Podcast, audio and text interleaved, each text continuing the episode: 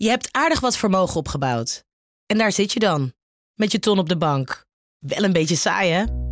Wil jij, als belegger, onderdeel zijn van het verleden of van de toekomst?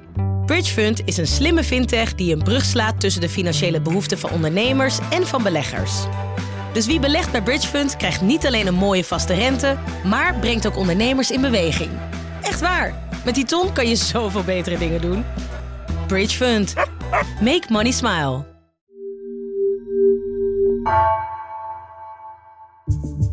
Vanaf de redactie van NRC het verhaal van vandaag. Mijn naam is Floor Boon.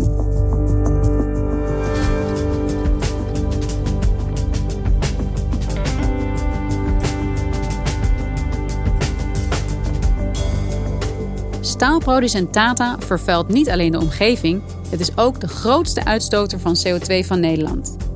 Maar Tata is zeker niet de enige uitstoter van CO2. Industrieverslaggever Milo van Bokkum bekijkt wat deze grote vervuilers moeten doen om hun CO2-uitstoot te verminderen. Maar wie gaat dat betalen?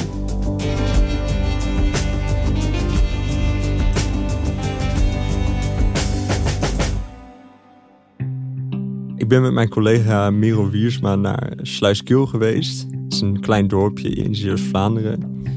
Ja, wij associëren Zeeland misschien een beetje met een vakantieprovincie, maar eigenlijk is dat ook een provincie waar heel veel hele grote fabrieken staan. En als je er aankomt rijden, dan moet je ook eigenlijk even een beetje met je ogen knipperen, want het is een hele mooie streek met hele hoge populieren. Daar zijn ze heel bekend om uh, in Zeeuws-Vlaanderen.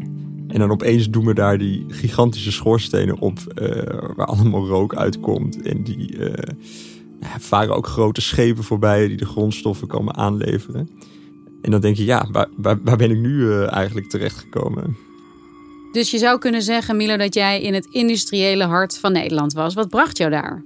Nou, ik heb heel veel geschreven over de, de staalfabriek van Tata Steel. Die ligt natuurlijk eigenlijk midden in de Randstad. Heel veel mensen kennen die ook. Maar eigenlijk als je kijkt naar de uitstootcijfers van, van CO2, dan zie je dat Tata Steel stoot ongeveer 7% van nationale CO2 uit. Dat is heel erg veel. Maar als je kijkt eh, naar de cijfers, wat eh, mijn collega Merel en ik gedaan hebben, dan zie je dat er eigenlijk heel veel andere uh, grote fabrieken zijn die een stuk minder bekend zijn. Die ook heel, hele grote hoeveelheden CO2 uitstoten. In de provincie Zeeland is de CO2-uitstoot per hoofd van de bevolking eigenlijk het grootst van Nederland. Nou, dat heeft ook te maken dat er niet zo heel veel mensen in de provincie wonen. Maar het komt ook omdat daar drie hele grote uitstoters zitten. Je hebt een grote raffinaderij, nou die zit dan niet in Zeeuws-Vlaanderen. Uh, en dan heb je twee hele grote chemische complexen. Van Dow Chemical en van Yara Sluiskil. En Dow is een hele grote plasticfabriek. Er werken 3.500 mensen. En Yara is de grootste kunstmestfabriek van Noordwest-Europa. Nou, Yara stoot ongeveer iets meer dan 2% van de Nederlandse totale CO2-uitstoot uit. En uh, Dow zit daar nog iets boven, die zitten rond de 3%. Ja, dat zijn dus echt hele grote uh, getallen. En uh, ja, daar zijn we gaan kijken om met die bedrijven te praten van, joh, wat zijn er eigenlijk van plan voor de toekomst? En dan bedoel je de toekomst als het gaat over het uitstoten van CO2 en dat gerelateerd aan de opwarming van de aarde. Precies, ja. En je ziet dat ook bij Tata is daar voortdurend heel veel aandacht voor. En zij zijn heel diep aan het nadenken nu als fabriek over verschillende opties om dat te doen. En dat wordt met een heel kritisch oog door de politiek en door de maatschappij heel erg gevolgd. Uh, maar er zijn ook andere uh, fabrieken die met soortgelijke dilemma's uh, kampen. En de vraag is, wat gaan we daar uiteindelijk mee doen in Nederland met deze fabrieken? Ja, want als we het hebben over de vervuilende industrie in Nederland, we hebben het dus veel over Tata de laatste tijd. Maar wat zijn eigenlijk die grote vervuilers die wij hier kennen? Je zou kunnen zeggen, er zijn drie categorieën. Je hebt energiecentrales, zoals kolencentrales en zo. Nou, daarvan is de toekomst eigenlijk duidelijk, want die moeten eh, op termijn, uh, is de bedoeling dat die dicht gaan. Nou, dan heb je olieraffinaderijen. Nou, hun toekomst is onduidelijk. We zullen wel lang nog veel olie gebruiken, maar hoe dat precies over een paar decennia zit, weten we nog niet helemaal. En dan heb je uh, een aantal industrieën, vooral in de chemische industrie, uh, die producten maken waar we waarschijnlijk over 100 jaar nog steeds misschien wel behoefte aan hebben, zoals plastic of staal of kunstmest. En het lastige daarvan is dat, kijk, dat zijn fabrieken waar binnen achter de deur in al die buizen, uh, drukkamers, et cetera, vinden chemische reacties plaats waar gewoon CO2 bij vrijkomt. Dus dat is eigenlijk cruciaal voor het proces. Dus om staal te maken moet je kolen laten reageren met ijzererts. Nou, daar komt gewoon heel, veel CO2 bij vrij. En zo is dat ook bij uh, kunstmest. Dus het is eigenlijk is die CO2 die komt vrij. En dat is fundamenteel voor het maken van het product. En als we het even hebben over Tata, want daar is nu veel om te doen. Uh, die stoten het meeste CO2 uit van Nederland. Maar er is vooral andere kritiek ook op dit moment op het bedrijf. Ja, ja kijk, bij Tata is heel. Ze zitten in een soort uh, perfect storm. Want ze zijn en de grootste CO2-uitstoter van Nederland. En ze liggen ook nog erg onder vuur. Omdat ze voor heel veel overlast en gezondheidsschade in de directe omgeving zorgen. Kan het nog zo langer met Tata Steel in IJmuiden... na opnieuw een alarmerend rapport over de gezondheidssituatie? Tata Steel komen hoge concentraties ultrafijn stof voor in de lucht. En in de roet die in de omgeving neerdaalt... zitten kankerverwekkende stoffen die vooral voor kinderen schadelijk zijn. En dat heeft alles te maken met deze fabriek. Tata Steel. Maar die ophef over Tata gaat dus vooral nu over die omgevingseffecten, over de gezondheid, ook voor kinderen. Uh, terwijl wat erachter zit, is dus nog steeds dat zij de grootste CO2-uitstoter zijn van Nederland. En dat daar iets tegen zal moeten gaan gebeuren. Ja, klopt.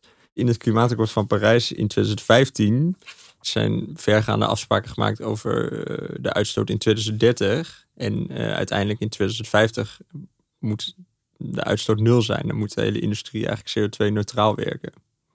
En dat betekent dus dat Tata Steel is wel een van de grootste industriële vervuilers waar de komende tijd dus op vrij hoog tempo uh, iets moet gaan gebeuren. Want in 2030 uh, moet daar al de CO2-uitstoot een stuk lager liggen.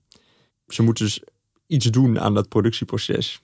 Ja, want dat zei je, dat zit vooral in dat productieproces. Uh, daar moeten ze dus eigenlijk iets aanpassen in hoe ze het maken. Dat heeft weinig nog te maken met überhaupt overschakelen op het gebruik van groene energie bijvoorbeeld. Precies, je kunt niet uh, een paar windmolens naast de Tata Steel neerzetten en dat ze daar groene stroom van afnemen en dat het dan goed zit. Uh, het zijn eigenlijk gewoon fabrieken die de hele tijd een scheikundige reactie doen. En zij zullen dus alternatieven moeten bedenken om hun product te maken zonder dat de reactie op deze manier plaatsvindt. Want wat zijn de mogelijkheden daartoe op dit moment? Wat doen ze al om op dit moment CO2-uitstoot te verminderen? Nou, wat je ziet dat waar die fabrieken vaak heel trots op zijn. Als journalist naar dat soort fabrieken toe gaat, zegt van ja, nee, maar we hebben de afgelopen decennia al heel veel teruggedrongen. Dat is vaak ook wel zo, want ze kunnen gewoon ook sleutelen aan hun installaties en die efficiënter laten werken. En dat is ook voor die fabriek zelf ook nuttig.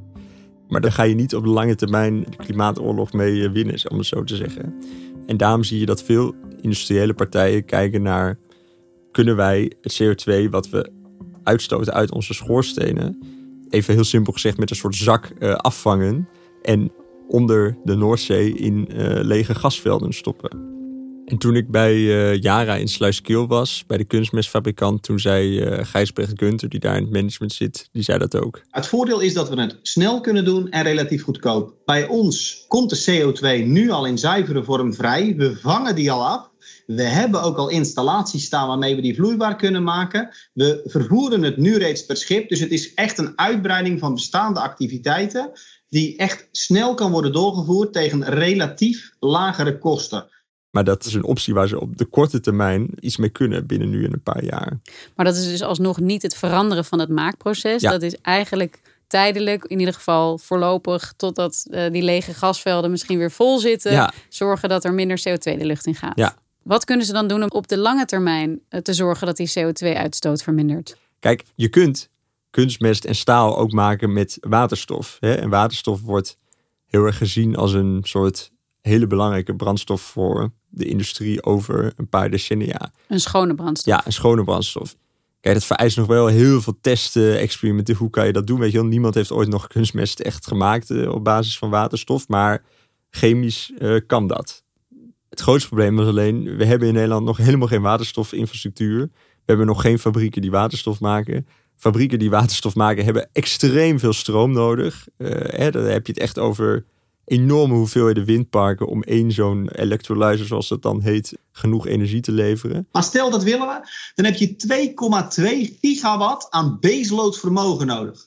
En 2,2 gigawatt, dat betekent 4,5 keer de huidige kerncentrale van Borselen. Maar dat is wel waar dit soort fabrieken op de lange termijn, dus na 2030, uh, op hopen om op een groene manier uitstootvrij hun uh, producten te maken. Dus ze willen dus eigenlijk wel vergroenen. Ja.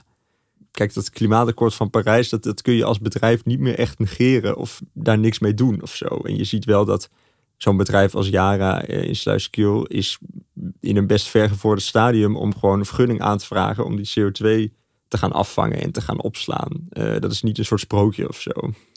Want doen ze eigenlijk al genoeg? Het klinkt ook alsof die bedrijven eigenlijk uh, ja, zeggen: ja, wij doen heel erg ons best en wij zijn al heel goed bezig.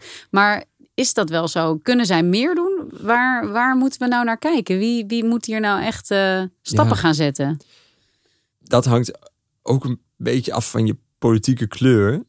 Maar je ziet wel dat er langzamerhand een soort consensus lijkt te bestaan van links tot rechts. Van we, we kunnen hier wel uh, als overheid aan gaan bijdragen. Hè, door een uh, waterstofinfrastructuur aan te leggen. Door uh, die fabrieken te helpen met de productieinstallaties om te bouwen. En ja, de meest voor de hand liggende vraag is: kunnen ze dat niet zelf betalen? Nou ja, dat hoor je dan wel eens bij, bij critici de, de marges en de winst die bij deze grote fabrieken gemaakt worden, die verschillen ook heel erg per bedrijf. Maar wil je dat ze helemaal geen winst uh, meer maken, uh, zoals zij zelf zeggen uh, dat het geval kan zijn, ja, dan hou je uiteindelijk ook geen fabriek meer over. Worden zij eigenlijk daar zelf voor verantwoordelijk gehouden? Moeten die bedrijven opdraaien voor de kosten om die uitstoot te verminderen? Ja, nou dat, daar kom je eigenlijk bij een cruciale vraag. Hoe duidelijker er wordt wat er moet gebeuren en uh, welke investeringen nodig zijn, hoe meer die fabrieken eigenlijk ook naar de politiek gaan kijken van hé, hey, uh, wij willen hier graag financiële steun voor. Tata Steel zegt dat het maatregelen heeft genomen om schoner te worden en dat er meer investeringen volgen. Maar daarvoor heeft het bedrijf wel de overheid nodig, zegt Tata. De grote energietransitie, het bouwen van nieuwe installaties, het aanvoeren van grote hoeveelheden waterstof, CQ de afvang van CO2. Uh, ja, daar is infrastructuur voor nodig. Maar ja, die investeringen zijn dermate groot. Daar zullen we wel met de overheid over in, uh, in gesprek. Uh... Kijk, tot nu toe kon je als bedrijf, als je iets groens wilde doen, kon je daar. Er waren allemaal verschillende subsidieloketten waar je allerlei projecten kon aanmelden en zeggen: hé, hey, ik wil hier geld voor om dit te doen. Maar het probleem is dat bij veel van deze hele grote chemische fabrieken, dat zijn zulke complexe projecten. Als je ziet waarin de ontwikkeling van groene waterstof nu staat, om dat in één keer zo groot op te schalen, echt naar gigawatts zeg maar. Dan is daar infrastructuur voor nodig, zowel elektriciteitsleidingen, 380 kV. Er is infrastructuur buisleidingen voor nodig, het transport van waterstof. Je hebt daar natuurlijk de electrolyzers zelfs voor nodig. Je hebt daar de synthesefabrieken voor nodig voor de waterstof en ammoniak te maken. Ja, zij moeten hun installaties op zo'n ingrijpende wijze aanpassen. Dat past niet in veel van de huidige subsidieregelingen die bestaan.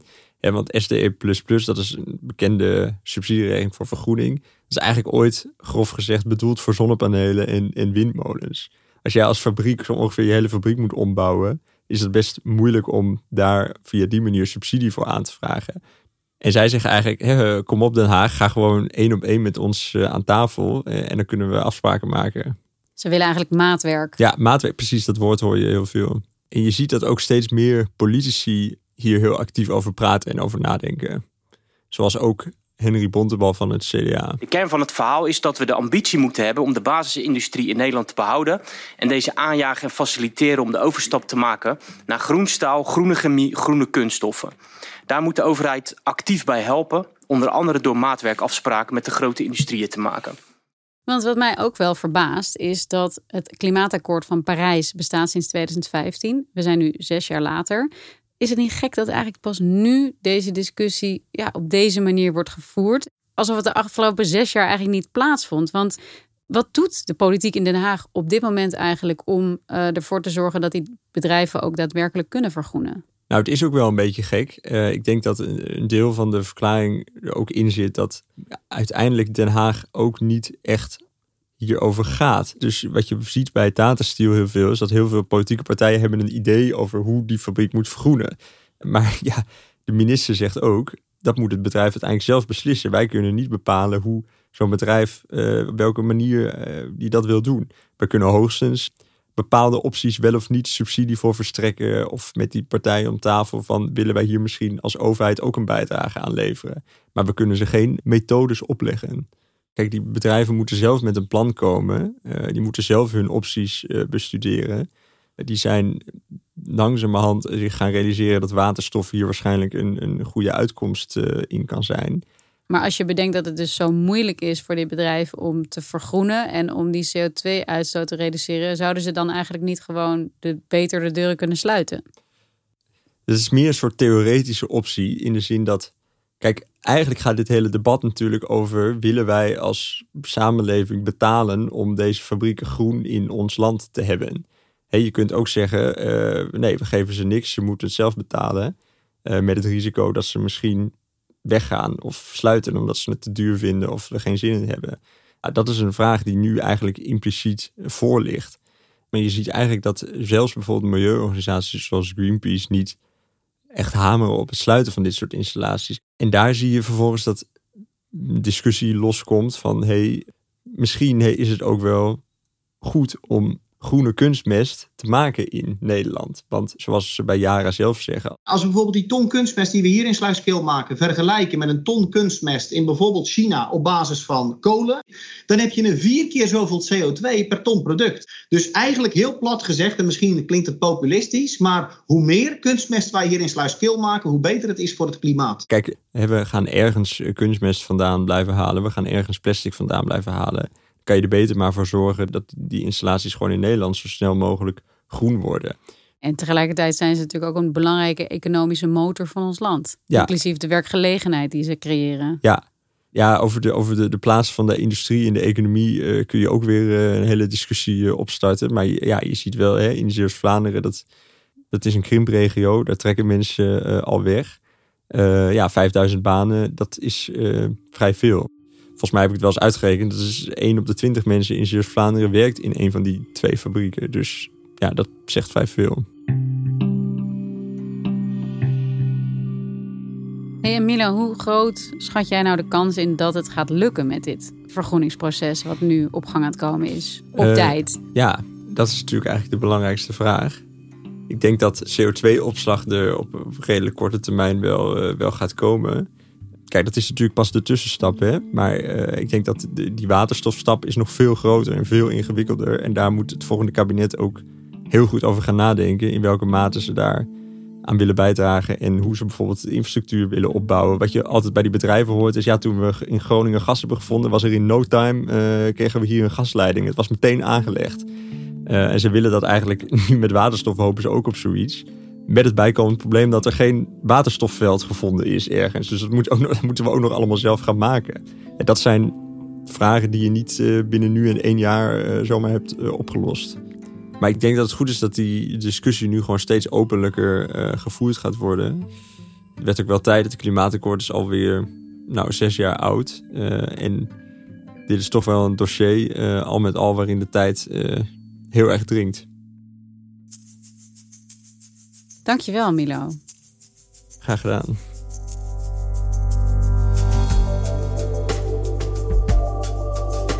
Je luisterde naar vandaag, een podcast van NRC.